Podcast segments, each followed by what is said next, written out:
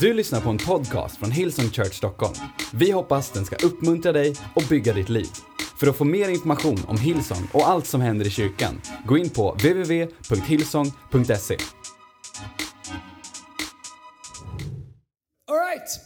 Uh, vi Uh, ska ta en liten stund. Om du vill ha en tema, om du vill ha en titel på det här så är min titel på det här, Vem är du? Um, jag, jag tror aldrig att det har varit så eh, svårt för människor att veta vem de verkligen är. Jag märker på mina barn med 10 och 13 år, jag får inte säga att de är barn, men de är här, inte här så jag kan säga det. De är barn, äh, tonåringar på väg upp i. Jag märker att det är en enorm pressure på dem att försöka definiera vilka de är. Utifrån vem de måste vara i skolan, vem de ska vara i basketlaget, vem de ska vara med kompisar. Och i allting som vi gör så är risken att om vi inte verkligen hittar vilka vi är och blir autentiska mot dem som Gud har skapat oss till att vara. Att vi lever schizofrena liv, ambivalenta liv, där vi är en person på ett, på ett ställe och tvingas vara en annan på ett annat ställe och tror att vi måste uppfinna alla de här rollerna. Och den vi är minst av allt, det är de vi verkligen är. Så när vi kommer hem på kvällen och bara är med oss själva, så känner vi inte oss själva. Därför vi spenderar all vår tid på att vara någonting som vi inte är. För att leva upp till det som vi tror att andra vill ha för att bekräfta oss eller för att passa in. Det finns en berättelse i Bibeln i Gamla Testamentet. Bra story, mycket bra bilder i den här berättelsen förresten i, i, i barnens bibel. Som handlar om Jakob och Esau. Jakob och Esau var söner, två, två bröder. Och deras pappa hette Isak. Isaks pappa hette Abraham. Och Jakob och, och Isak de var väldigt annorlunda. Jakob och Esau var väldigt annorlunda. Esau, det här är bara Bibeln, det är inte min, jag, jag cementerar inga könsroller, jag läser bara till. Esau står det, han var jägare, han var stor, han var hårig, han var, han var, eh, eh, eh, en, en, en, he was a man's man, all right? I alla fall på den tidens, liksom hur man, han, han var, han var på, hade, hade jorden gått under så hade Esau kunnat rädda oss. Låt mig bara säga det. När hans bror Jakob, säger Bibeln, han var annorlunda. Han tyckte om svårt kaffe. Han tyckte om eh, mat utan kött i. Han tyckte om eh, att vara med mamma Rebecka i köket. Han tyckte om att sy. Nej, jag säger inte att det är mindre manligt. Jag säger bara att de var annorlunda. Jag säger bara att om maten tar slut så är det bättre att vara kompis med Esau. jag vet att ni kommer mejla mig, men it's all jokes. Så Esau äldst, de är födda samtidigt, men Esau är äldst. Jakob kommer tvåa, med tvillingar. Och Bibeln säger att Jakob höll Esau i hälen när de föddes. All right? Så Esau är nu äldst. Så när Isak dör, i den här traditionen, så kommer Isak lämna över det som kallas för förstfödslorätt. Alltså rätten till allt som han har. Rätten till allt som han är, till sin äldsta son. Kan du tänka dig att vara nummer två och du är så nära att du kan hålla i det som kunde varit ditt. Så Esau, han är ute och, och jagar en dag. Och han är, jag måste säga, jag är inte hårig. Inte på så sätt. Jag ser att en del av er som har gjort ett bra försök här i november att skaffa mustasch. Patetiskt på vissa ställen måste jag säga. Eh, bra jobbat på en del andra ställen. Men eh, jag kan förstå Esau, för han kommer hem en dag när han varit ute och jagat och inte fått tag i någonting. Och han är så hungrig så han kan inte tänka på någonting annat. Jag vet inte om jag är sån. Om jag är hungrig, inget funkar. Min fru slutar prata med mig och går och lagar mat. Eller gör en macka, eller gör vad som helst. Jag ser på våra team, i vårt staff. Det liksom mötet tar slut när jag är hungrig. Det går liksom inte jobb, jag kan inte, det funkar inte, jag måste ha mat.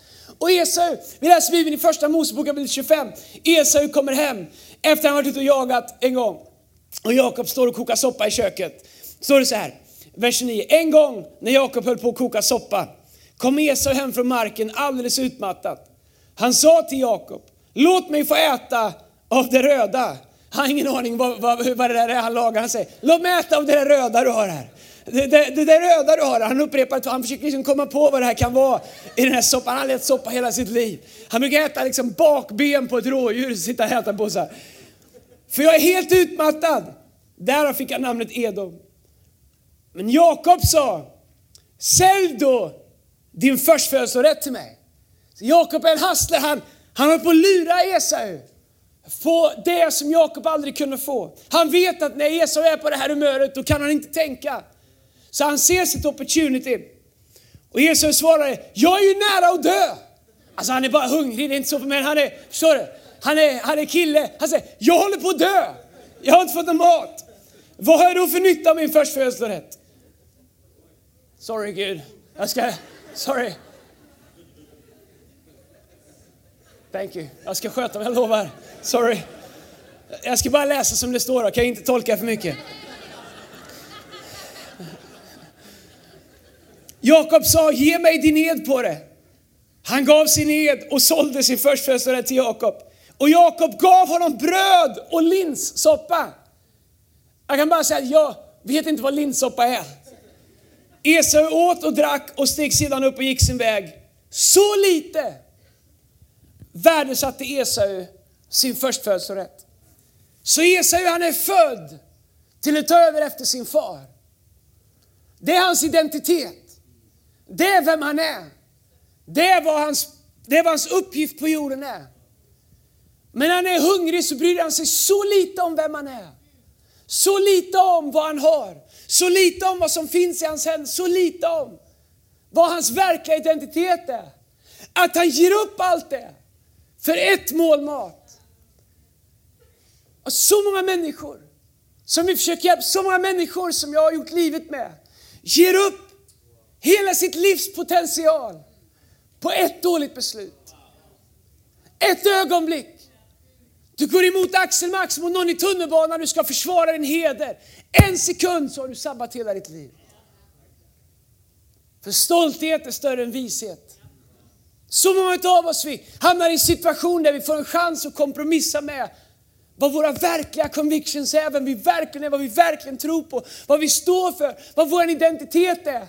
För ett opportunity och få vara någonting som vi tror är bättre än vad vi verkligen är. Esau, han ger upp rätten till hela sin framtid för ett mål mat. Han värderar nuet mycket mer än den långsiktiga framtiden som han har. Han har inget perspektiv på sin framtid. Han lever i nuet. Du vet människor tatuerar in carpe diem, fånga dagen. Well, det är exakt vad Esau gör här. Jag fattar att ni kan tolka på andra sätt, men det är det Esau gör. Han struntar i morgondagen och han fångar bara dagen. Han äter sig mätt och han har torskat allting. Medan Jakob tror att han kan ta sig någonting som inte är hans. Esau var äldst, han hade förstfödslorätten, rätten. Till, till att bli sin fars arvtagare. När Isak är gammal och ska välsigna Esau, Isak ska dö, han är gammal och blind, han ska dö. Han, han kallar in sin äldsta son för att ge honom sin välsignelse. Säga allt jag har är nu ditt, du tar över som huvudet i familjen. Du tar över som den som ska föra släkten vidare, som ska föra namnet vidare, som ska ta hand om alla mina rikedomar. Så när, när, när Isak är gammal så ska han välsigna Esau som helst. Men Jakob, han har ju fått Esaus löfte att han ska få det. Men det vet ju inte Isak om. Som ska nu ge honom det som Jakob har lurat till sig. Så Jakob kommer upp med en plan tillsammans med sin mamma Rebecka på att lura Isak, för Isak är blind, pappan är blind. Så det står vidare i, i kapitel 27, vers 18 om, om Jakob. Det står han gick in till sin far och sa, far. Han svarade, vad vill du? Vem är du min son? Han är så blind så han vet inte vem det är. Jakob sa till sin far, jag är Esau. Så Jakob utger sig för att vara någon annan. Din förstfödde, jag har gjort som du sa till mig. Isak hade, bara vi läste tidigare, hinner inte läsa allt det. Han hade sagt, det är dags för mig att lämna över min välsignelse. Och Isak, Isak sa, gå ut, döda ett villebråd, jaga ett djur, laga till ett god mål mat till mig, kom och ge mig mat, ge mig att dricka. Och när jag ätit mig mätt och druckit mig full, inte full, alltså druckit, ätit och druckit, så, så ska jag ge dig min välsignelse. Så Jakob kommer nu och lurar Isak, eftersom Isak är blind, att han är Jesus, att han har gjort det för att få välsignelse. Sätt dig upp och ät av mitt villebråd så, så att du kan välsigna mig. Men Isak sa till sin son, hur har du kunnat finna det så snart? Min son. Han svarade, Herren din Gud sände det i min väg. Vilket inte är sant för det var hans mamma Rebecka som hade lagat maten. Se så många av oss, vi använder till och med Gud för att rättfärda det, det, det, det liv som vi försöker leva, som inte är vårat liv. Du vet, du kan ta Bibeln och klippa och klistra till vilka idiotiska åsikter som helst. Människor, totalt lost, har använt Bibeln till att starta krig, till att diskriminera, till att förtrycka, till att skaffa sig själva rätt. De har tagit saker och vritt och vänt och sagt, Gud har hjälpt mig med det här. Gud har sagt, Gud han får själv för så mycket som han aldrig har gjort. Det enda Gud har sagt är att han älskar alla i den här världen så mycket att han gav dem sin kärlek. Men vi som skulle ta emot den kärleken, vi är ofta som Jakob är och säger, nej men Gud har hjälpt mig med det här. Gud har gjort det här med mig. Jag har Gud på min sida. Alla har Gud på sin sida. Alla som startar krig har Gud på sin sida. Det är konstigt att Gud kan vara på alla sidor samtidigt. Vi hijackar, vi kapar Gud. Vi tar honom till fånga för att validera det sätt som vi väljer att leva våra liv på.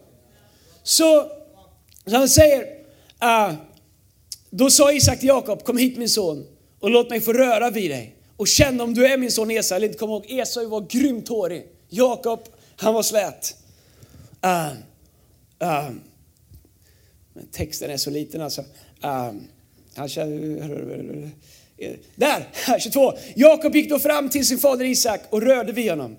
Men grejen är så här, att om vi läser till det så här, han fintat honom. Därför att han hade varit och tagit, äh, huden av ett, äh, liksom, pälsen av ett lamm och knutit fast på sin arm. Så Jakob sträcker fram sin arm, där han har liksom lindat in i ett lams ull.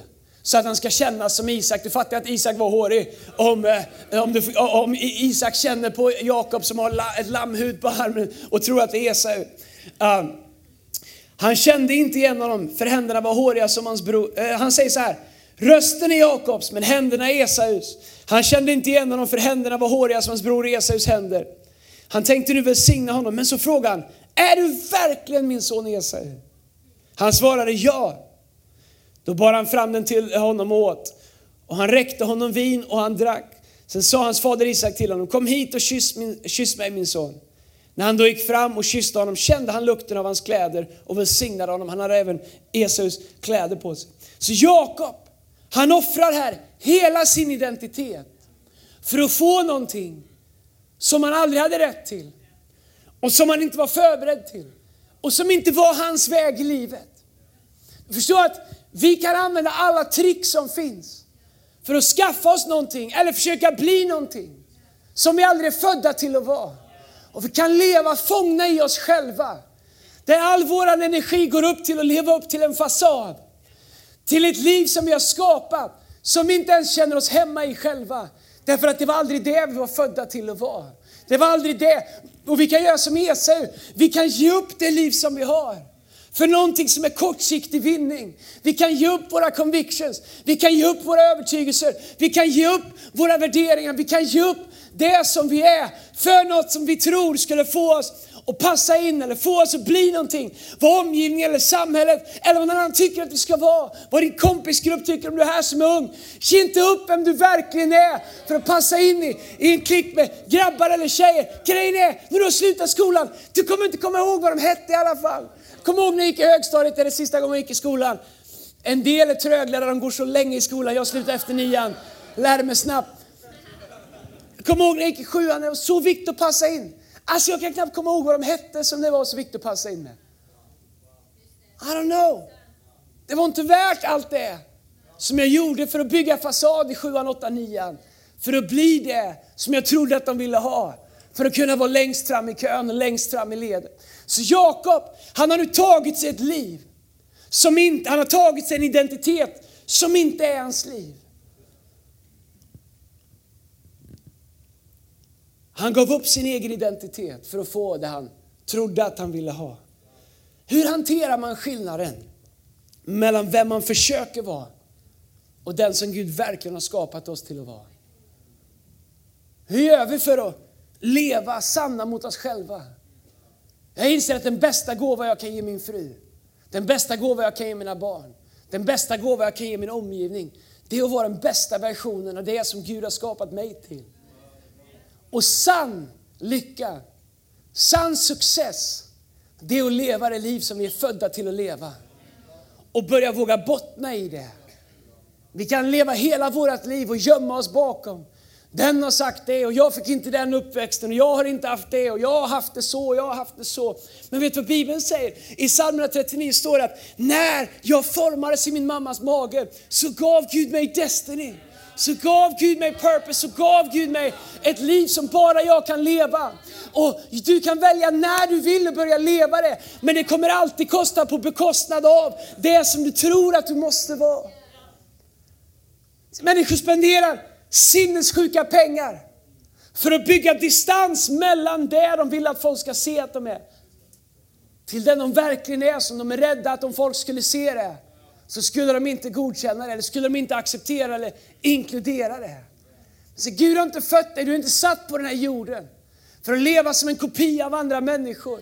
Eller som att leva, för att leva ett liv där, där du på något sätt ska motsvara alla andras förväntningar eller motsvara det som normer som andra sätter. Du är satt här för att leva ett unikt liv som bara du kan leva. Gud har skrivit in dig i storyn i det här livet. Han har fött dig till en karaktär som bara du kan leva.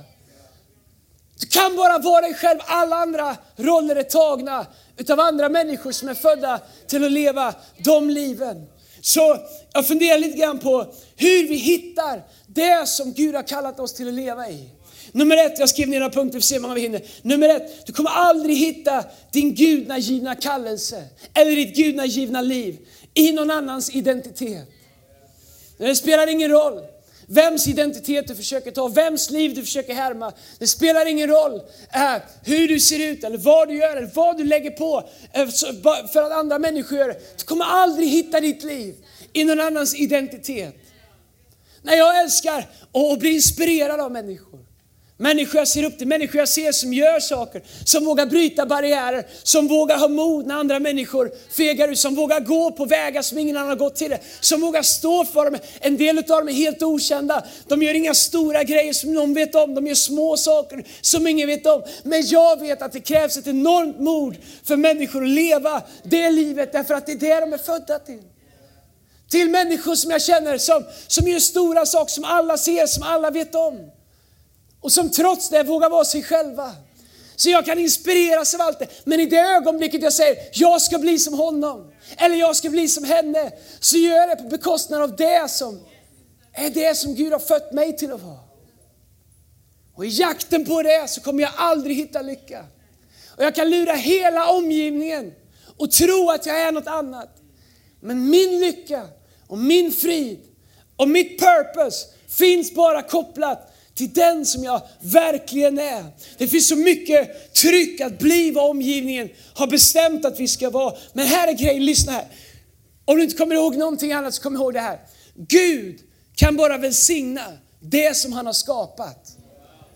Gud kan inte välsigna någonting som han inte har skapat. Så om jag inte lever det livet som Gud har skapat mig till, så kan Gud inte välsigna det livet som jag har låtsats mig till.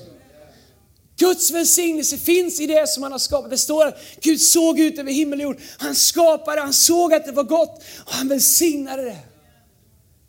Vill sa precis innan hur han såg alla barnen och när andra försökte putta undan dem sa han, nej nej putta inte undan dem, tvärtom låt dem komma till mig. Så står det att han tog barnen och han välsignade dem. Därför att varje människa, oavsett hur de kom in i världen, jag bryr mig inte om om de var en olycka som hände en sen fredagkväll i baksätet på en bil. I don't care. Därför att ytterst sett så är det inte människor som skapar människor, det är Gud som skapar människor. Och Gud kan välsigna varenda människa oavsett hur du har kommit in i världen, oavsett hur fel det har gått i livet, oavsett vilka fel du har. Gud kan välsigna dig i det ögonblicket du säger Gud visa mig vem jag är och vem du har skapat mig till att vara. Därför att Gud kan bara välsigna det som han har skapat. Och när jag försöker bygga ett liv som inte är mitt, för att tillfredsställa människor som egentligen inte bryr sig, så tar jag mig själv ur Guds välsignelse. Jag inser att det modigaste det är att säga, jag kommer aldrig kunna leva upp till alla era förväntningar. Jag kommer aldrig kunna bli allt vad. Men grejen är att det är oftast vi själva som projicerar på andra människor vad vi tror att de vill att vi ska vara. Men när jag vågar säga det här är vad Gud har gjort mig till. Whether you like it or not. Det här är min journey, det här är min resa, det här är vad Gud har kallat mig till. Det är där och då som vi kan upptäcka. Bibeln säger i, i uh, i Efesierbrevet kapitel 1, vers 11 eller 12 i The Message så står det It's in Christ we find out who we really are and what we're living for. Att det är i Kristus som vi upptäcker vilka vi verkligen är och vad vi verkligen lever för. Och Det är där som Gud kan välsigna oss. Det är där som Gud kan hålla sin hand över våra liv. Det som är sant. Bibeln säger att Gud är sanning. Bara det som är sant i oss kan Gud välsigna. Undrar vad som skulle hända, hur världen skulle se ut. Om vi valde att börja leva autentiskt. Om vi valde att börja, om vi börjar fira det som var autentiskt. Inte det som var perfekt, inte det som var färdigt, inte det som var utan fel, men det som var på riktigt, det som går att ta på, det som är sant. Jag undrar hur, hur vi skulle må om vi istället på jakten för att bli vad vi tror att omgivningen kräver att vi ska vara, skulle bottna i de som Gud verkligen har gjort oss till. Och hitta våran trygghet, hitta våran frid, hitta våran, hitta våran identitet i det. Och veta att, men, det spelar ingen roll om jag inte är som någon annan. Så länge jag är som den som Gud har skapat mig till. Därför att du och Gud kommer alltid vara ett vinnande team. Det är därför som djävulen hela tiden försöker stjäla vår identitet. Bibeln säger att djävulen är en lögnare, allt han säger är lögn. Hans enda jobb är att tala om för dig, du är dålig på det här, du räcker inte till här, du kan inte det här, du gör det här för lite, du ber för lite, du är för dålig kristen, du är för dålig människa, du borde vara bättre, du borde göra mer av det, du borde göra mer av det, du borde göra mer. Han bombarderar oss med all våran brist. Och sen så våran respons på det, åh, jag är så dålig, jag måste skärpa mig, jag måste skynda mig, jag, jag, jag jag inte. Och sen så försöker vi kompensera det genom våra mänskliga efforts. Och så hamnar vi i ett ekorrhjul där vi responderar på någonting som är lögn, vilket tar oss längre längre och längre bort ifrån dem vi verkligen är. När Gud talar till dig, när Gud är i ditt liv, om Gud talar till dig så kommer det, nummer ett, det är inte ens predikan, du får det gratis. Det, när Gud talar till dig, så nummer ett, du kommer aldrig känna skam. Gud kommer aldrig komma in i ditt liv och du kommer, han kommer aldrig få dig att känna skam. Bibeln säger att Gud inte fördömer oss. Gud kommer aldrig få dig att känna skam. När han kan komma in i ditt liv och hjälpa att tänka, jag måste ändra på det här, det här är inte vem jag är. Det här är inte nyttigt för mig, det här är inte mitt liv, det här är inte vad jag ska göra. Men du kommer aldrig känna skam. Du kommer aldrig känna fördömelse. Du kommer aldrig känna nederlag. Du kommer aldrig känna liksom, uh, du kommer aldrig känna dig anklagad utav Gud. På samma sätt som jag kan komma till mina barn och säga Selina Joel, Angelina, gör inte så här, det är inte bra för dig. Men jag kommer aldrig säga, gör inte så här, du är en dålig människa, du borde veta bättre, du är tio år nu, du borde veta hur livet funkar, du borde kunna bättre, skärp dig. Det är det djävulen gör. Men Gud säger, hej gör inte så, kom ska jag visa dig hur du kan göra så att ditt liv blir bättre. Så att du upptäcker vad frid, vad kärlek, vad värme är. Se, det, det är det som är grejen. Så många människor går runt med en helt felaktig bild av vem Gud är. Som att Gud är någon som, om du inte skärper dig, om du gör fel, då blir du straffad. Då, blir du, då kommer det konsekvenser. Medan Bibeln säger att allt vårt straff la han på Jesus. Det var ju därför Jesus stod på korset. Bibeln säger att allt vår skuld lades på honom. Medan vi ännu var syndare, säger Paulus i Romarbrevet, medan vi ännu var syndare, så kom Gud till oss. Och vårt straff för våra fel la han på Jesus. Och förlåtelsen la han på oss. Det är därför när Gud kommer in i ditt liv. Det är därför också om du lever, problemet är så här, om man lever i skuld, om man lever med skam, om man lever med fördömelse för sig själv, så kommer man alltid ge det vidare. Det finns ingenting som är så enkelt att ge till andra som det man bär på. Hela människor skapar hela människor. Fördömda människor, människor som dömer sig själva, de går runt och dömer andra. Människor som brottas med skam, de går runt och lägger skam på andra människor. De försöker skapa ett allmänt tillstånd där alla har det likadant. Men människor som vet att de inte räcker till, men som har upptäckt att Gud har lovat att kompensera för det som inte kan själva. De har en förmåga att lyfta människor runt omkring sig, att sätta andra människor fria, att visa den nåd, den kärlek till andra människor som man själv har fått uppleva. Så nummer ett, du kommer aldrig hitta ditt, gudna, ditt gudagivna liv i någon annans identitet. Nummer två, byt inte ut din långsiktiga välsignelse mot omedelbar tillfredsställelse. Esau han kunde haft allt. Vi kunde ha sagt Abraham, e, eh, Isaks och Esaus Gud. Men nu säger vi Abraham, Isaks och Jakobs Gud. Esau hade allt. Men i ett ögonblick så bytte han bort allting. Därför att han hade inte ett långsiktigt perspektiv på livet. Saker kommer hända oss i livet. Rätt vad det är så händer någonting som vi inte vill. Någonting så, någon trampar oss på tårna, vi, vi, vi blir förbisedda, det är livet skiter sig. Det, förlåt, alltså, någonting händer i livet som inte är som vi vill. I vår mänsklighet så vill vi alltid respondera på det. Vi vill agera på det. Men en av de viktiga sakerna för att leva det livet vi är födda till att leva, det är att inte byta bort långsiktig välsignelse mot kortsiktig vinning.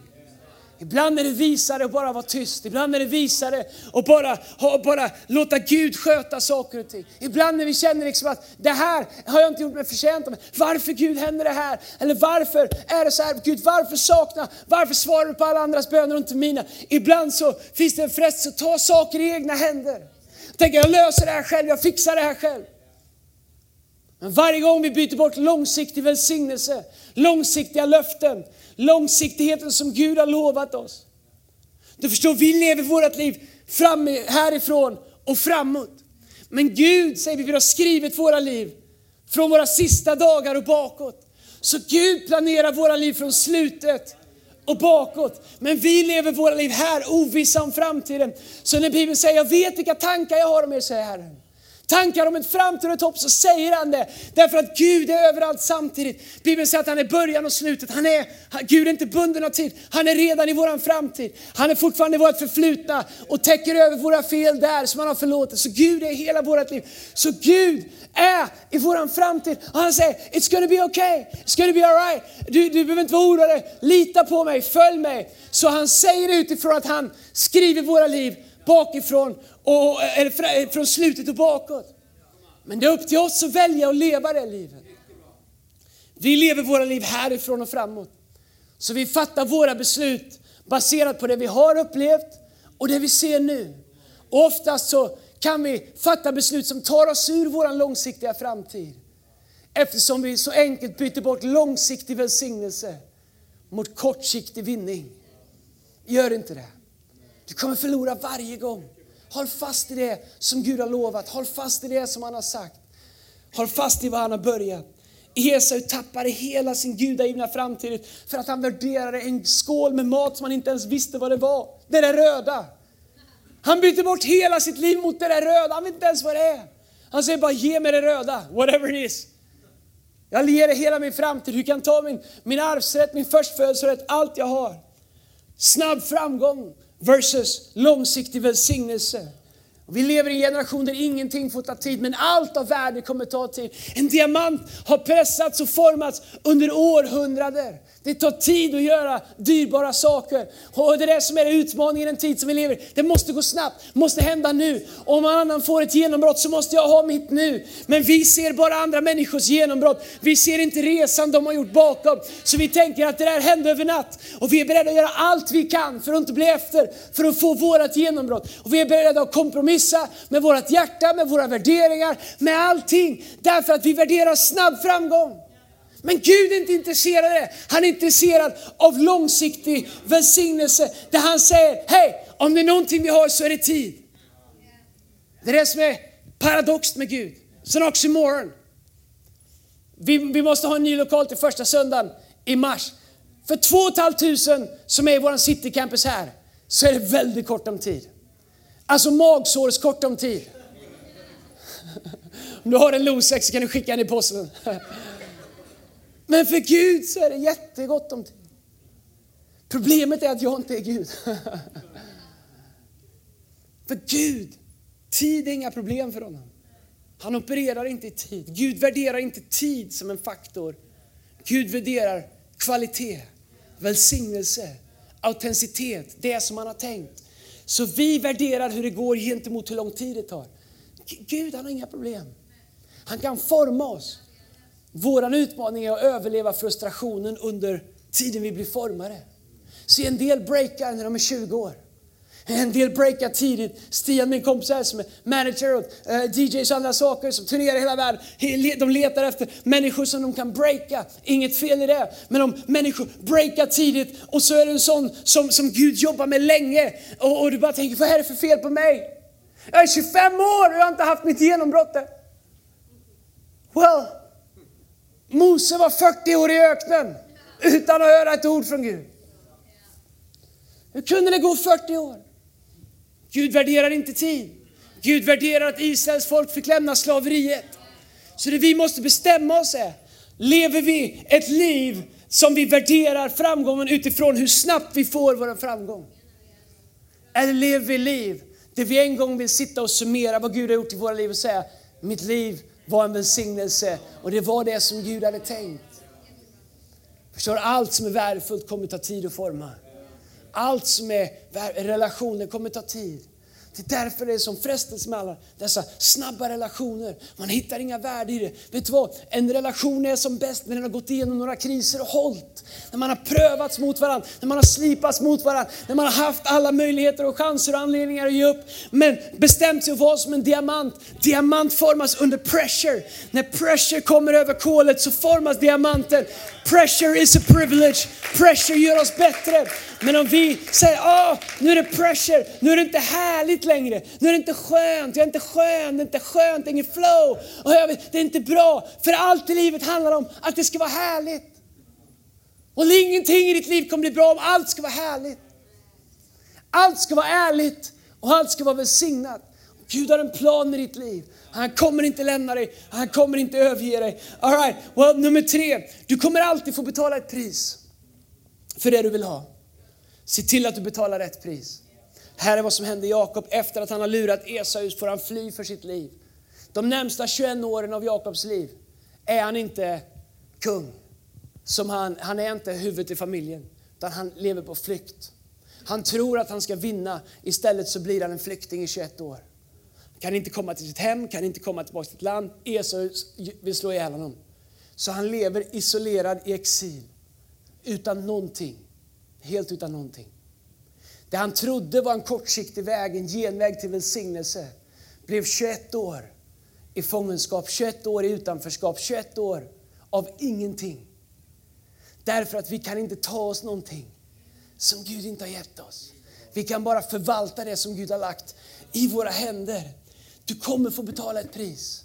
Se till att du betalar rätt pris. Du kommer få betala ett pris för det som Gud har lagt i ditt liv. Du kommer få betala ett pris, du kommer få grinda, du kommer få betala ett pris för att leva det liv som Gud har fört dig till att leva. It comes with a price. Vill man göra något som ingen annan har gjort så måste man våga. Vill man ha något som ingen annan har så måste man våga göra något som ingen annan har gjort. Vissa sträckor kommer vara ensamma, vissa sträckor kommer vara svåra i livet, även om du lever det liv som du är född till att leva.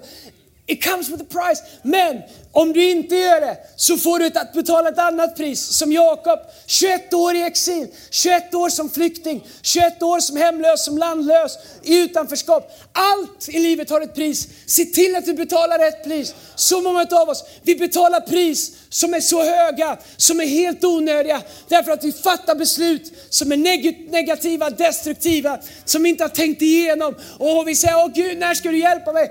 Gud, det är du som har ställt till allt det här. Om du börjar fatta bättre beslut, om du ompositionerar dig. Kolla vad som händer med David. Om du en fjärde punkt så är det, det du tar dig själv kan andra ta ifrån dig. Hade Jakob kommit, hade kommit hem hade Esau tagit tillbaka och slått ihjäl honom. Men det Gud har gett dig kan ingen ta ifrån dig. 21 år senare så kommer Jakob, han är på väg tillbaks till sitt land, på väg tillbaks till sin familj. Han är trött på att leva i lögn. Han är trött på att leva fake. Han är trött på att leva med en fasad. Han är trött på att leva ett liv som inte är på riktigt. Han tänker det är bättre jag går hem och facear Esau och tar mitt straff än att leva ett liv som inte är sant. Än att leva ett liv som inte är på riktigt. Han säger fånge eller död hemma är bättre än på låtsas borta. Så står det i Bibeln i kapitel 32 vers 22 att Jakob är redo att bli ärlig och göra det på rätt sätt. Så Jakob är på väg hem till sitt land. På vägen där så möter han en ängel. Och det står så här, men Jakob steg upp samma natt och tog sina båda hustrur.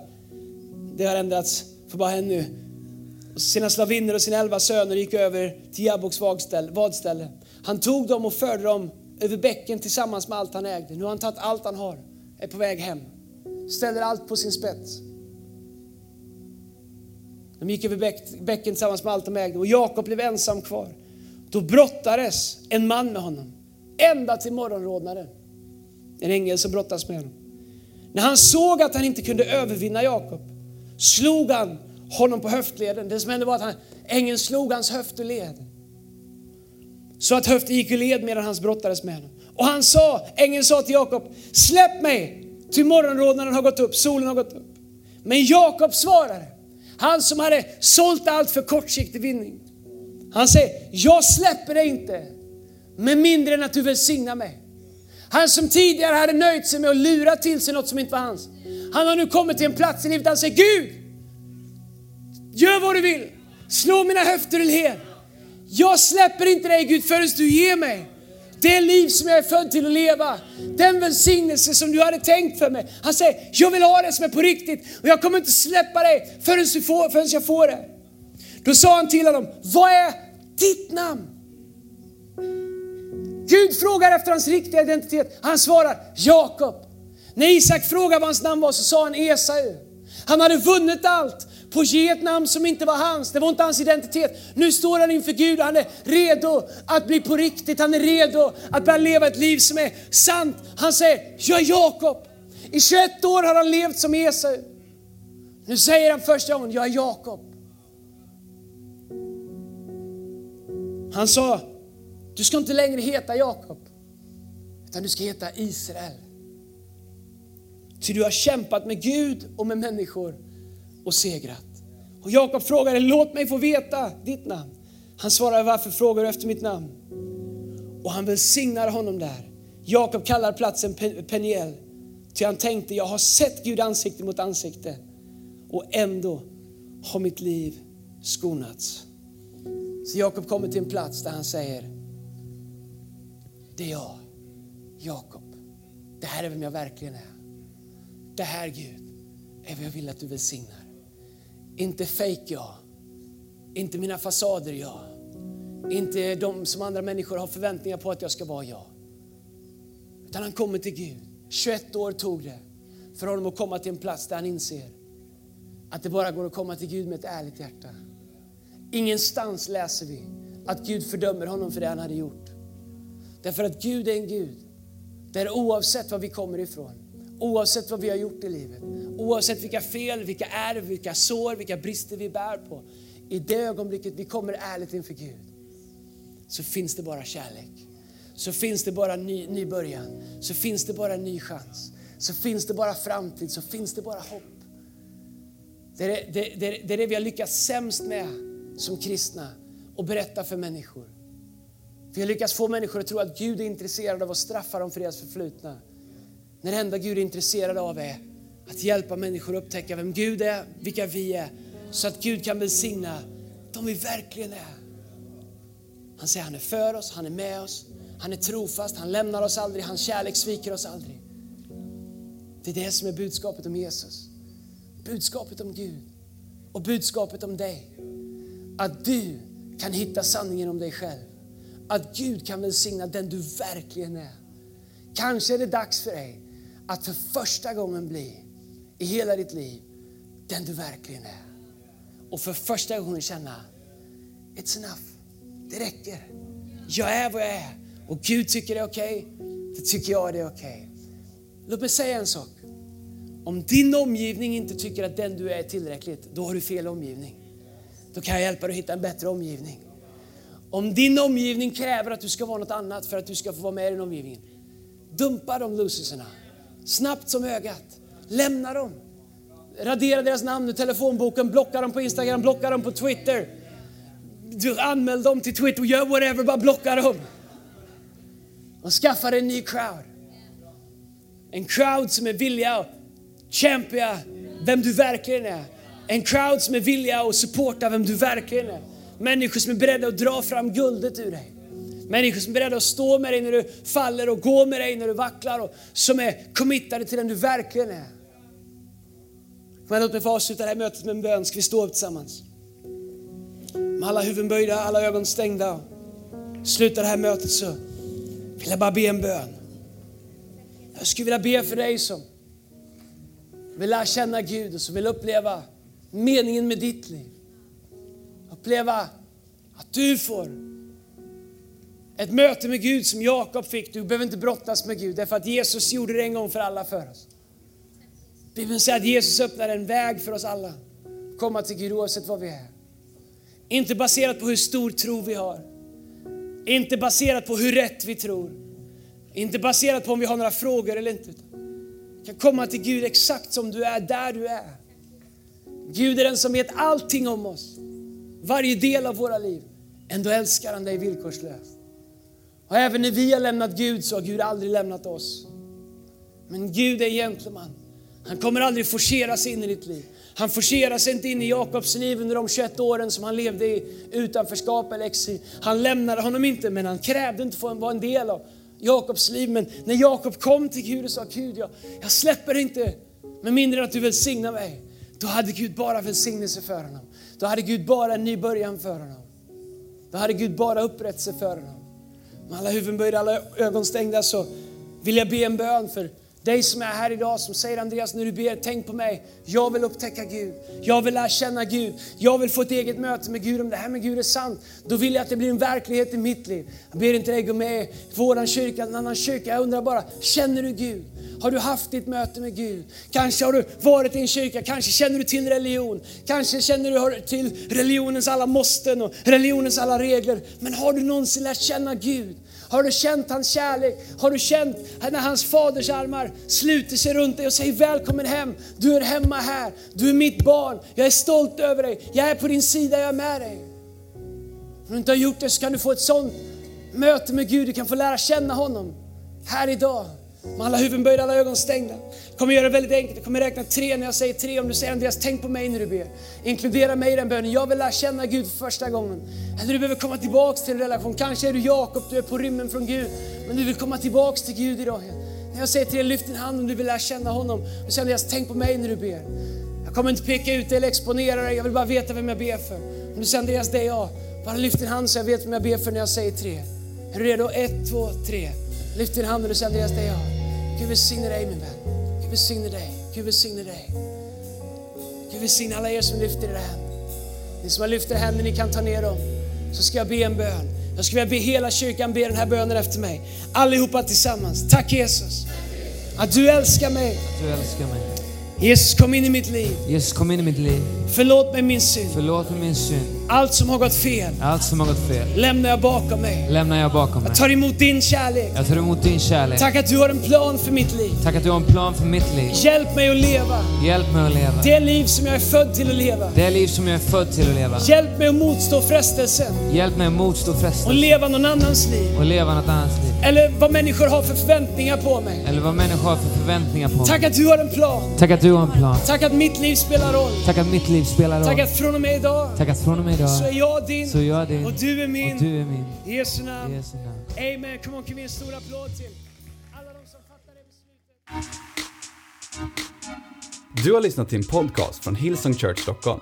Om du vill veta mer om vår kyrka eller om våra söndagsmöten, surfa in på www.hillsong.se.